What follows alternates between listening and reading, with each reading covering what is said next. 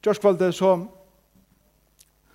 tar jeg live vær, og de unge var samla i her, en, en gåvor, stor skære, så, så hørte vi deisende om et her underfotla, eh, og medelig tøtninger med mykle evne, som vi kallar for misjon, eller tro på han. Og Benjamin Hansen, Sonu Peter Hansen, og konan som er som er tusk, fortalte dere fra at hei nu gjør seg klare affæra til pappa Nukunea, som troboarar er utmiddelen folk som enn ikkje var hørst om Herren Jesus Kristus som tar frelsere. Og det var ramande at høyre han stått fortelle fra tøtningen av at eia år gods og akkurat egna male. Så henne lista på her beint vi nekven nekven blæsøyen som han slepte nyer, einar blæsøy i sen, og sier, her, og listan her er 2000 tungumal som enn ikke heva biblina, og hans nekna mal. I morgen av fyrre møten har vi uh, se myndir fra okkara Jona, som uh, er i Chile, og er i samme ørendon som sånne ikke ånder, at vera til verska i middelen folk, men vi tog fri eia at vise dem hva Jesus Kristus er, og fortelle dem om hva Jesus Kristus er gjørst. Og lukka mykje hva man er, om man er ryker eller fatakur, gammal eller unger, høver status eller laver status, det er alt som til alt, det er ein som er utan Jesus Kristus i sin heime, er fortapter. Og tog er det vi brenna fyrir hos evnen med sjån. Jeg har ikke sagt det før at hvis det er en for at herme etter hva et andre gjør så burde løvden være en samkommer som hever eller finner sine, sine unike ting. At bergast for at liva for og jeg har så gjerne vilje at min sjån var et av dem tingene jeg vet det er en samkommer som som får være kjent for jeg sender tro på her ut og som tårer å trakke og i karakter og stola dem. Andalige og så vel som tøymlega. Og vi er folk som, som er vi til å fære ut av vi som tror på det. Er vi til å være vi og i misjonsarbeidet. Jeg vil planlegge akkurat sommerferier så leis, at en parser fer til å fære ut i misjon og en annan parser er kvila. Og jeg vet, uh, blir en sankumma, som, som blir inspireret av største trobaren av Øtland, Jesus, og til natsen største, Paulus, som, som uh, har skrivet nå et helt brev til samkomne Rom. Og han har givet dem en grunnleggjende god frøy om hver og menneskene er, og hvordan rævlig synd er,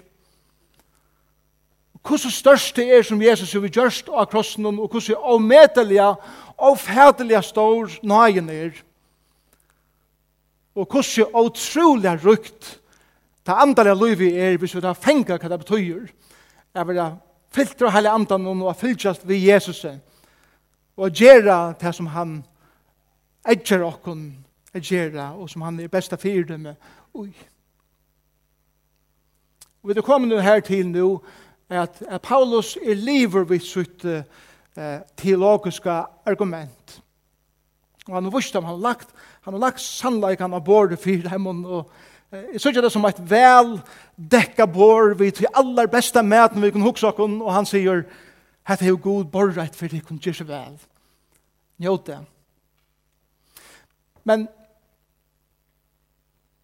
tid videre lykka vel som er, at det tøtninger mye, at ta vidt lesa et eller annet, vi er en skaldsøva, eller vi er et annet slag av litteratur, så er det alltid områdende at heva synder av vitan om høvunden. Hvordan han hoksar, hva han skriver til som han skriver, hva det er, hva det er som han brenner for, hva det er som han gjør, hvordan han lever liv sutt, rent strategisk, og, og fra det til det. Og i hessen her versene som vi kommer til nå i 15. kapitlet og eisene i 16. kapitlet, får vi den innlitt inn i bæge hugshandene og eisene hjersta til hans mannen som heter Paulus, som skriver om brevet. Som, som hever givet dem dette her veldige brevet, men nå i noen favon åren i mån til støttene av breven, gjever okken eh det er som han lukka leter horn opp inn i sitt egna liv og sier hver han er hva han brenner fire, hva han gjør, hvordan han gjør det som han gjør. Og de, de kjenner meg så mye vel etter hånden der, at de vet vel hvordan forvirrer vi gjør. jeg, jeg ser at hjemme i vikene og fire reik i hese talene. Det er bare, jeg, jeg, jeg, jeg klarer ikke å pakke det nye enn et tal.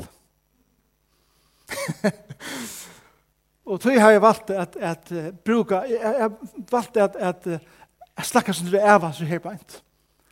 Særlig betyr for Eia at uh, eina fyrir fram til ta Jesus som rattur. At, at, at få et innlit inn i hvordan ein troboar hukser, Og hvordan en troboar arbeider. Vi tog for Eia vånande at vi kunne etja i jøkken rombrevet 15 og 16 og i jøkken Paulus være ikke i til å bli en trobåra samkomne. La oss fære til Rombra kapittel 1 først. Rombra kapittel 1.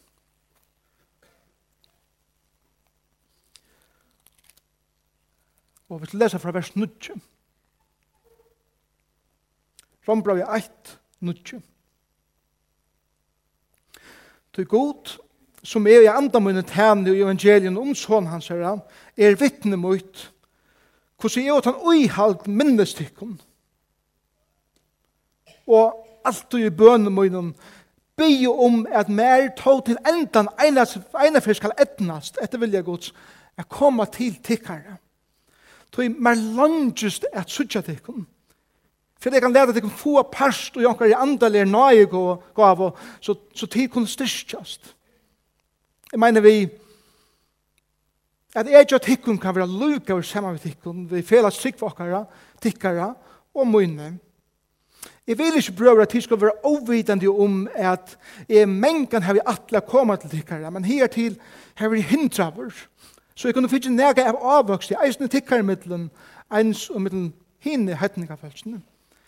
Jeg stand i skuld, beid til grikkar og til ære tjover, beid til vis og favvis, Jeg er tog for min part til reier av kunder evangeliet eisende for tikkum som byggva ui rom. Punktum. Og så byrjar han ved å sige tog er skammest ikke vi evangeliet. Og her byrjar han allar hesa kapitlene som vi nu har her i jöknum. Ödlas jo ærene. Og nå da vi kommer til 22. øren, i 16. kapitlet, så er det akkurat som han sier, oh, forresten, for det som gavst vi å sia i 15. øren i 1. kapitlet, kom inn og atter til i 16. kapitlet, vers 22. Lagt mest til hvordan ofte han sier, Lange skal komme til dere, er i hindra vår, men det tror jeg etter å slippe til Rom. Og nå kommer vi til 22. øren i kapittel 16. Um, her leser vi hit. Tog er i eisene som mengan hindra var å komme til tikkara. Men nu i ønske rom er mer langer i hessen London, og i mange har tro, tro etter å komme til tikkara, at vi ta i ferd til Spania, har hatt enda langer her om. Ta i ferd til Spania komme til tikkara, så han stekkar i rom av venen til Spanien. Tøy er vanlig å få tikkene suttja og ha jøkneførende tikkara Og av tikkun er være hjelter her, altså til Spanien, etter det først, fyrst en negra mån hava finnst godt av tikkun. Men nå, ferie til Jerusalem, og tæna sine heilakra. Tui Makedonia og Akaia vil til så fegin sjåda saman nega til dine fatrik og mittel hinna heilave og Jerusalem. Tei vil til så feien gjerra det, og tei standa eisne skuld til tarra. Tui ta hætningarna her finnes i parst og i andalige, andalige gode, gode tarra, skilda tar eisne taimon et hana, taimon vi hin tøymelige. Da jeg ta heva full først hetta, og lagt hendan avvøkst og i hendur herra, at de er hene, er ferdig til Spania og bør vi tja tikkun.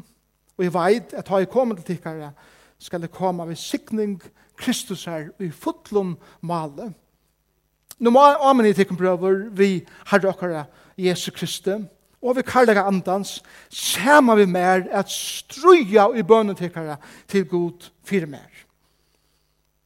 At det skal være bjergar fra henne vantryggande i Judea og at ørne mot Jerusalem skal lykke henne heil og vel så jeg kan komme til tikkara vi glede at vilja gods og være lyvgaver sama vi tikkun God friarens Vere vi tikkum ötlun.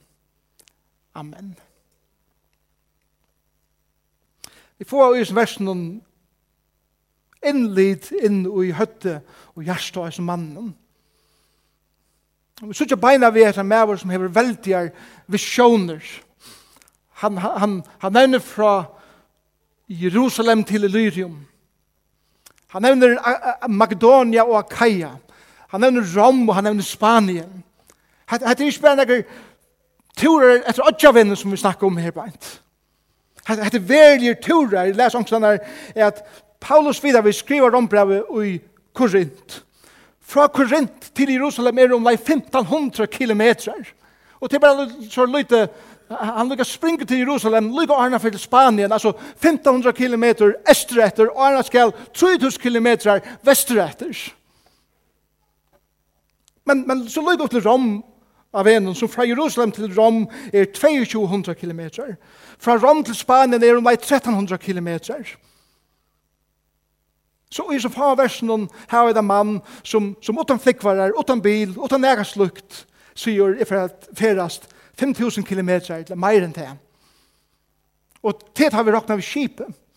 Ta også litt om det som man skulle genga iver delar og fjöll og alt det som er involvera ut det. Hetta maver som brente fire. Kosta hva det kosta vil å få evangeliet til tarra som enn ikke var hørst evangelium Kristus er.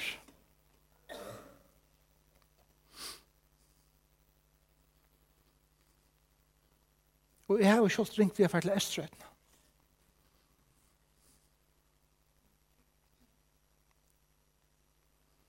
Jeg husker meg Jeg følte sysser sånn det at jeg tog om affæren, at jeg fikk ikke ordentlig giv jo innleid inn i noen ting som Paulus sett i æresyn og i.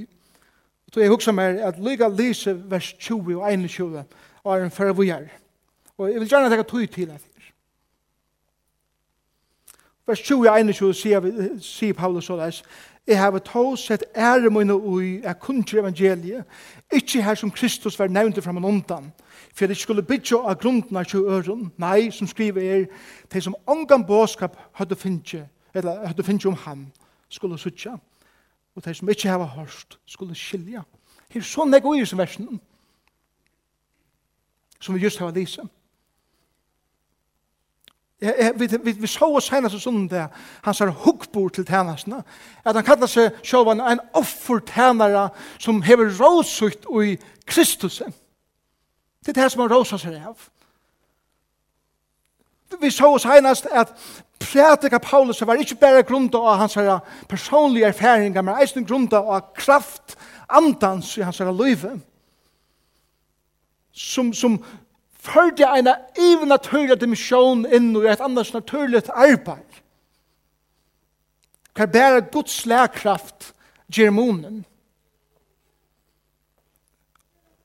Og det er så jeg vet når jeg strategier eller visjoner for det som Paulus atler og, og hvordan han hukser hva det sitter er sånne ui.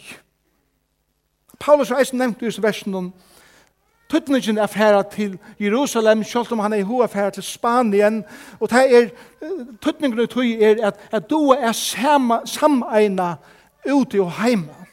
Jerusalem var jo hans herre fyrsta sted, og det var mor samkomman, selv om Antioquia var hans herre sendande samkomman, er sind langt norr. Vi, vi lærer eisen i denne versen om tøtningen er av at tåre er bia om stovul, er å si at det, det koster penger. Og folk eier standa atan fyrir. Og vi synes at det som en framgjørat er at djeva til misjon og stola tro på han og stola tro på haren verste. Paulus reisende djerver nok til å si at det er, det er en naturlig samanspel i den glede i bådskapen og til tøymelige, altså penger. Det, det er ikke en djegg i midten til, til eh, andalega og ta verslige, som vi ofte hoa gjerra det. Ta andalega og ta verslige, og i Guds rujtje gonger hånd i hånd og bægi er lyga andalig og lyga gjerande sli. Og så til senast i sånne versene som vi la så så tja vi uh, at, at Paulus byr om, om forbund. Han byr om at de byr fyrir seg og vi får sutja hos god sværa i taimon bønnen. Så vers 20 og 21. Her er sett hese i beskriftene. Som eh,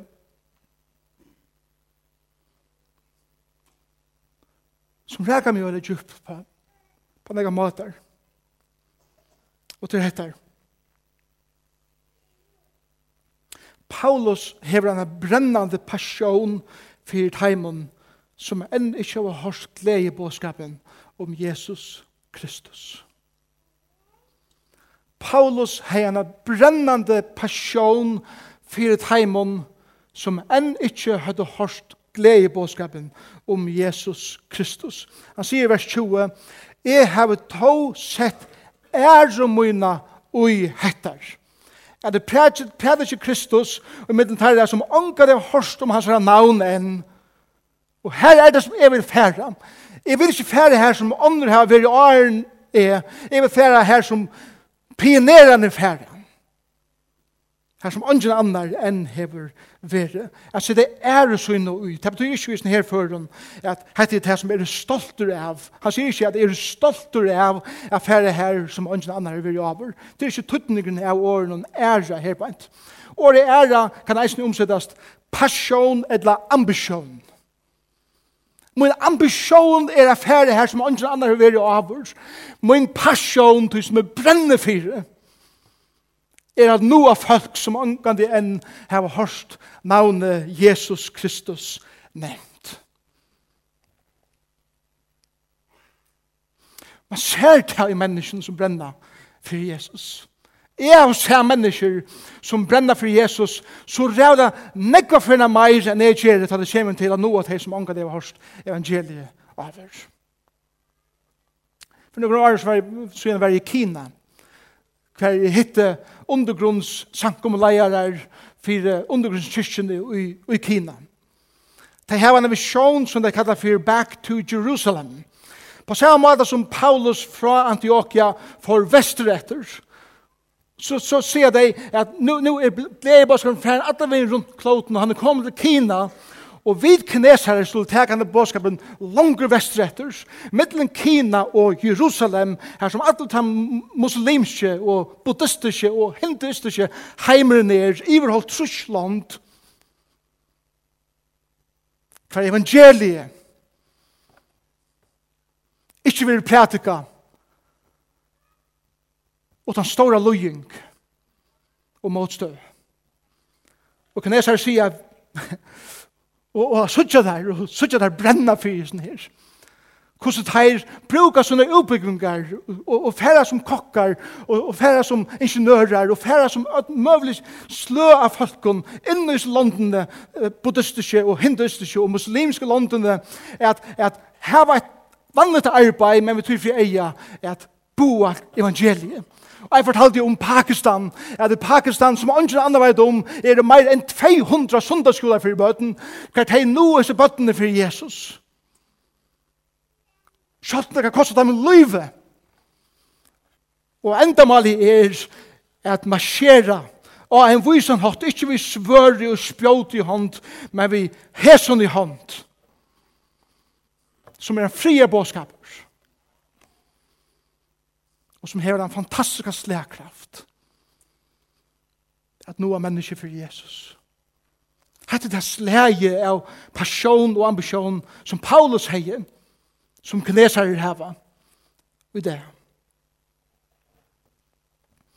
Og Paulus sier, jeg har prædik evangeliet, lyga fra Jerusalem, hvis vi får det på talvene, eller på lørd i herbeint. Lyga fra Jerusalem, Og alle veien opp til Illyrium, det er her som, hinnemina Italien, her som, her som uh, Balkanlanden er det, Albanien og, og, og Thailandene her på en. Fra Jerusalem og alle veien her til hever Paulus nå i flere år starvast, og han har prædik evangeliet, og nå sier han, tøyen som er kommet er færre langkurs, tøy at min æra, er at prædik evangeliet her, som evangeliet omgående i prædika avurs. Jeg med var en kvinne som hever en passion for gode og for han fortapte. Ikke med vår en kvinne som ganger rundt og tar seg om hvordan vel opplagt og god vær fyrir tøyene. Ta i Paulus levde. Men det er med en kvinna som ser fram etter og sier God er den samme God i det som har vært ta. Og jeg får ikke binde meg i hvordan god God vært ta og hvordan vaner han er i det. Men jeg, jeg, jeg, jeg halder meg til at tryggva at han god som førde Paulus som eis ned til verska og idea og i min liv skal gjøre stor ting fram etter ved det i min regnasjon er det kommande atalien det trygg vi er. Og det må vi takke til okkom.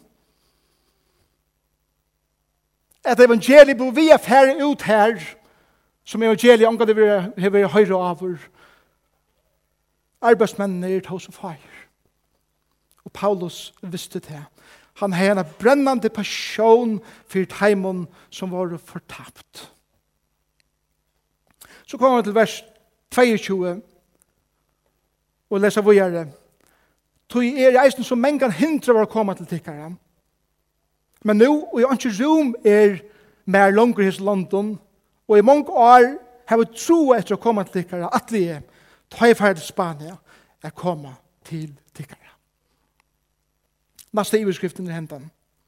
Ta fyrsta vær, Paulus er med i en brennande passion, er bo og glede i boskan fyrt heimen, som enn ikke var hårst om Jesus så er det fortapt. Nummer 2 er dette. Paulus hever en brennande passion for heimen som ennå ikke kommer å høre bådskapet om Jesus Kristus. Og det gjør at Paulus må bøye vidt høy som han annars feien vil gjøre. Legg meg ikke til hva det sier her, Bent. En mævor, en kvinna som hever en passion og som god hever lagt nega og det tungt av hjertet sier at til noen ting som må boja i min liv, selv om jeg øyne gjerne vil komme her tid. Og Paulus har sagt alle tøyene, er, er lander som kommer til Rom, er gledest om at møte dere og være sammen med dere, men det må boja. Tøy at det som er gjerne på nå er viktigere enn det å komme til tikkere enn. Og til at du har vært til disipliner i livet noen, Jeg har sjalt det er nek ting som jeg vil gjøre, og jeg drømmer om å gjøre, så må jeg være fokuseret av det som Gud har sett meg å gjøre, her og nå. Det er så nevnt at alle tøyene hukker om hva man skal gjøre, er man gjør ikke her som man er på nå. Og Paulus, han har jo i alle sju årene, prædika, vi skal bare hava korset jo åpne her, bænt. Han har i alle sju årene prædika, helt her sur fra Jerusalem, oppsøkken Syria, inn i Torskøye, som vi kjenner det der, eisne kattata Luttla Asien, og han ferdes rundt her, han kommer inn i Makedonia, som er den norra parser av Italia, og sur til Akaia, som er den sunnare parser av, av Grikaland, mener jeg. Her har han ferdes i ødelige årene, og nå sier han, nå er det ikke rom for meg langer her. Og, og, og, og det er som jeg husker over. Altså, fra Jerusalem. Alla veien oppstånd til Turskøy, og alla veien inn i Grekaland, og så opp etter, etter stånden her vid Albanien, eller Lyria. Ikke rom. Altså, hvordan er rom har du bruk for, Paulus? Er det ikke en tusendavis av vis av mennesker som enda ikke har hørt evangeliet arbeid? er det ikke enn nekvar, nekvar atter som ikke enn av hørst navnet Jesus nevnt. Og Paulus sier til ikke rom for meg langer. Tøyene kommer ikke mer at færa langer. Så sier det, hatt moneren av en missionere og en evangeliste. Paulus sier til Timotheus, som var etter i Ephesus, kjer to versk evangelists. Men jeg skal vi gjøre Jeg har vidtjøtt i London, jeg har byrja sankummer, og det er, det er strategisk passera jeg såleis, at her kunne noe ut til at det er falskens menneske var hørst, men min oppgave er nu Leo, og hun skal fære vujere til Spanien. Nå vil jeg alle veien til Ånglands, og tannveien. Det her er ikke veri over, og Paulus sier at tøyen er nu kommet, er fære vujere. Det er ikke rom for mer langer. Og så leser vi i vers, så låser vi i vers 23 og vers 24 hvordan langest er kommet til terra. Uram. Men, men det er en avvis langsel. Det, er ikke bare en langsel som, som sier, ah, det var deilig, så gjør det ikke. Og jeg håper vi får ha et ordentlig hund alle sammen. Og jeg håper sanger får genga godt. Og jeg håper at, at vi kunne få noen gode måltid sammen. Så leis at jeg vil vel mette våre årene ferdig avvis til Spanien. Det er til, til slæg av samfunnet som, som Paulus primært vil ha her på en kjøtten til eisene være en pastor av det som Paulus brente fyr. Han sier for det første, er langt som kommer til tikkere. Han har langt sagt i kapittel 1, så lest at jeg kan være vidt til å signa tikkum vi, vi tog som jeg har opplevd, alle de søvene som jeg har fortelja, alle de gavene som har nu givet meg, kan jeg slippe lota vi tikkum. Men eisen i øvått er at det som tid opplever, det som tid kunne lære meg, kan jeg njóta godt hev til at samfunnet som gonger av veier. Det er ikke bare til at han djever og teg foa og så får han vågjere, men de njóta samfunnet, han troar etter det her. At liva, sitt liv, bo av veier. Men han er heller spennende for å si forresten, er at vi ikke stekker til at vi kommer. Jeg langt til å sutja dikkum, men jeg får ikke stekka, tog jeg mine visjoner er større enn bæra tid. Jeg får avveis til Spanien nu. Og så sier han, la oss lesa dette verset. Um, vers. La oss lesa fra, fra vers 24. Um, han sier i Spanien, så kommer til tikkara vennom, tog jeg vågne av få tikkene sutja dikkum, av tjøkkenferiene, og av tikkun at vera hjelptur her. Etter det første nære mån her finnes godt av tikkun. Hatt han nødvendig avhverder setninger. Vet du hva rombrevet er virkelig? Rombrevet er et missionærbrev. Det er missionærbrev. Det er maver som skriver brev og sier forresten, jeg har brug for dere stolen. Jeg har brug for at tilstande 18 fyrir mer. Og i munnen virkje fra Jerusalem, lykka til Illyrium, hever Antioquia veri mun sendande sankumma, men nu får jeg enda langer versettur, og jeg har brug for einar eh, sankumma, jeg standa 18 fyrir meg, og i versen enda langer versettur, det skal være tid, kan det være tid, vil jeg tid standa 18 fyrir meg, og i versen Paulus, skriva så etter brevet hver han byr deg beinleis som stol, men i brevet og gjør han teimen eina, et, et hev av utroligere godfrøye.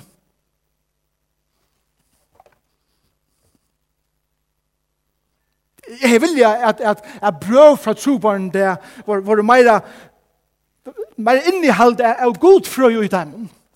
Og ikke bare om eh, hva vi det har gjort, og, og nå har jeg gjort hitt tiltak, og så et annet tiltak, og så, så sånn jeg kom, og så sånn jeg kom ikke, eller så sånn jeg var frelst.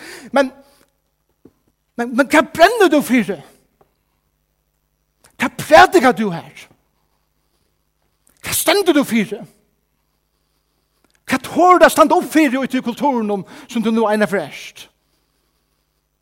Så, tro på her, de som er i her, og Herren kallar tikkene til andre land, er det viser at anker er her i morgen som Herren kallar, er færre ut ur fargen til andre land. Ta det senda bøna bønabrø heim, gjev okon teologi. Fortell okon hva de prædika. Fortell okon hva de standa fire. For jeg får stol. Det er det som Paulus ser i sin brevn her. Han kommer til dette, så han giver dem så så lite føje at jeg sier sjølvande skulle vi være vi i en arbeid som fer til herra, som han ikke var hørst evangeliet. Han ber om stol, han ber om bækland, han ber om samstarv, han ber om forbønn. Og han er ikke bensje for å gjøre det.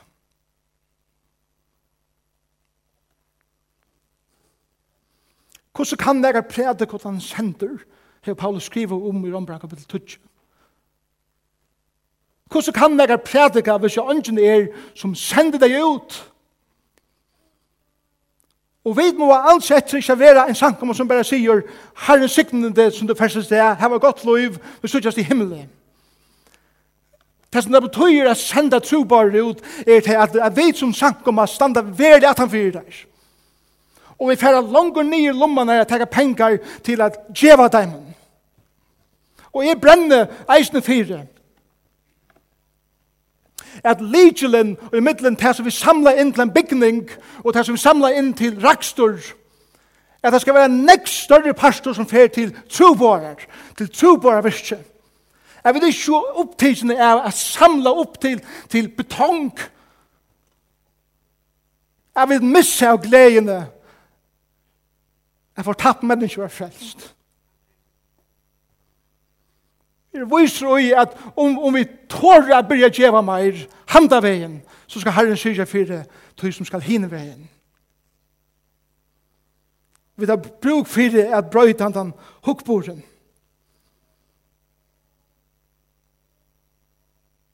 Så, vi, vi kunne tro at Paulus nu sier, ok, det er ikke rom for meg langer her. Jeg lever. Jeg lever samkommer nu alle sånne her, og nå er jeg tär oppgavene at nå er ut. Lägg mig inte att hvordan området heter er. Vi halda og i en bok som som som lyste eller vel, som som tar som heter her, at vi halda at tär professionelle skulle gjøre alt. Og vi gjør bare sånne penger, og så sitter vi der og så gjør kan tär göra. Men det som, som sankum og løy snur seg om er til at de professionelle som Paulus var, han, han rutta bare veien og gjør det klart til folk til å trakke inn i arbeidet at gjøre versk evangelist. Som vi da alle er gjøre, men noen få er og pioner tro på er, som Paulus var. Og så færre de ut og alle at alle disse grannalegene og alle disse, alle disse attenar som lever i London og nå er det for Kristus men Paulus, han, han bryter nødja leier. Så, man skal tro at nå er Paulus pura klarer at leipa sted vestretter, men så sier han forresten, jeg får lykke til Jerusalem først. Altså, jeg får lykka at feras 3000 kilometer at du fram. Arne at man feras 2000 kilometer langt vestretter. Det teker meg minimum 2 år at gjøre det.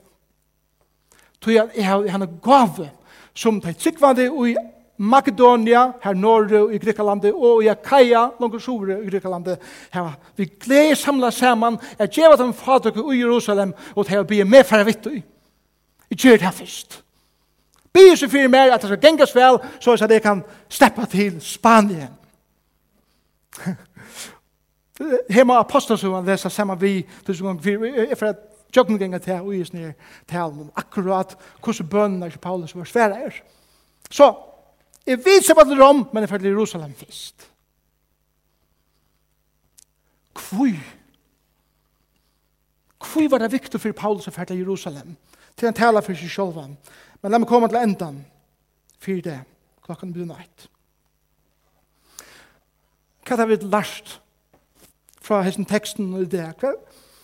Hva for innlitt har vi finnet inn i sinne og hjertet av Paulus som spyr okkur der konkrete spurningar og det. Og den første spurningen som Paulus og hessen teksten spyr okkur i det er etter. Her var vi et hjerte for dem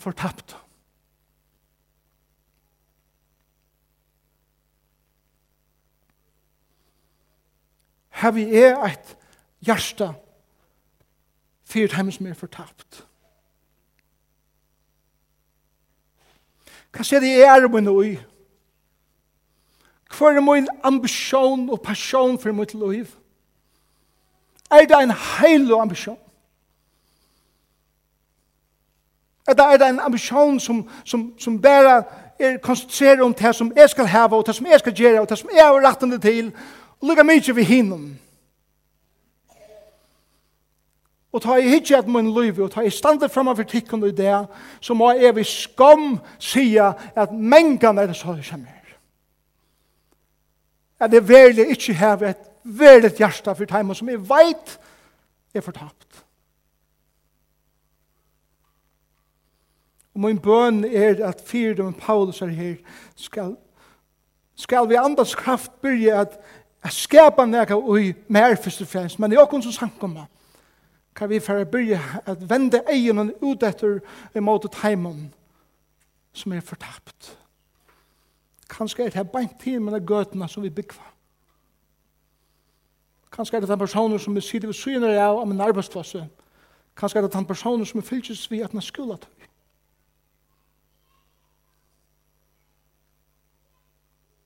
Hva brenner jeg fyrir? Hette er første spurninger som Paulus spyr okkur i det.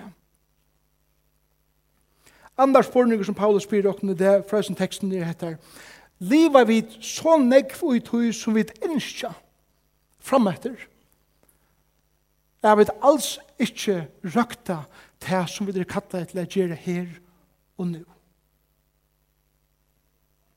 Drøyma við alle tøyne om hvordan det vera eina fyrir, og livet ikkje nu. Det er det som Paulus sier her bænt. Jeg har vilja komme til Rom, men jeg kan ikke komme enn til her så nek og anna som god har givet meg at brenna for og til jeg vil er gjøre livet først.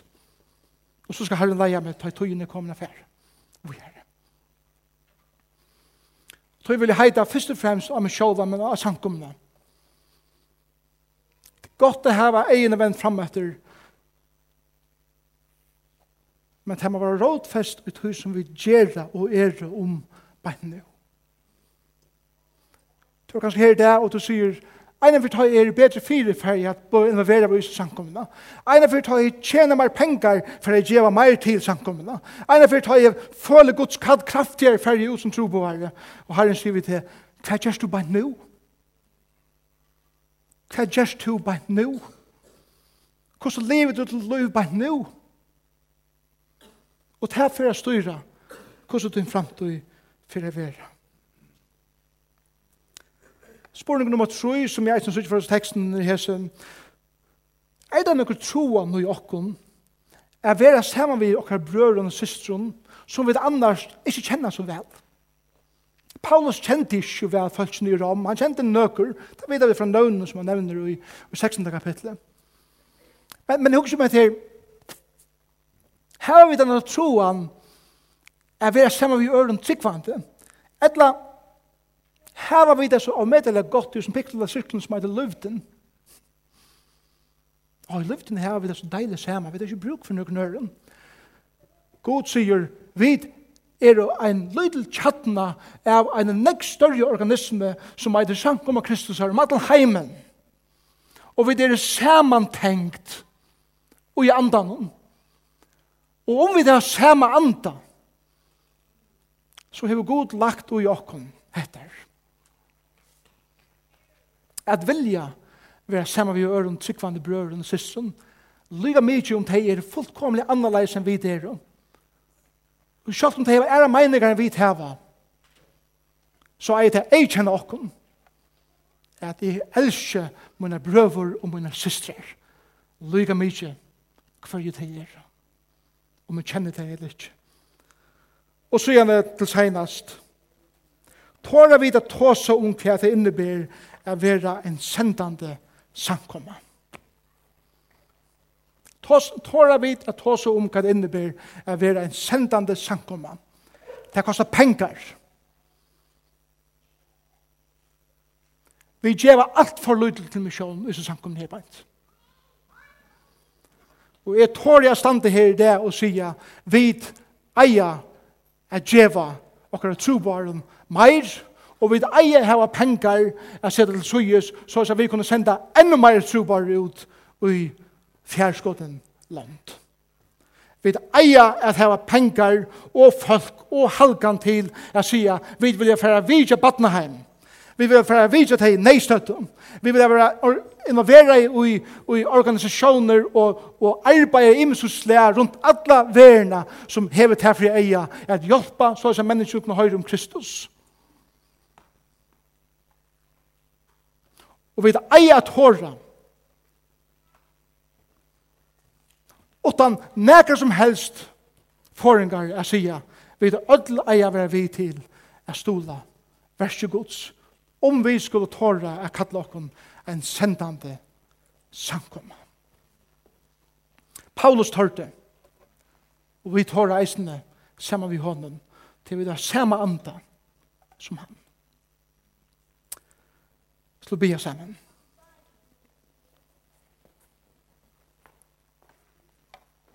Takkar Jesus fyrir at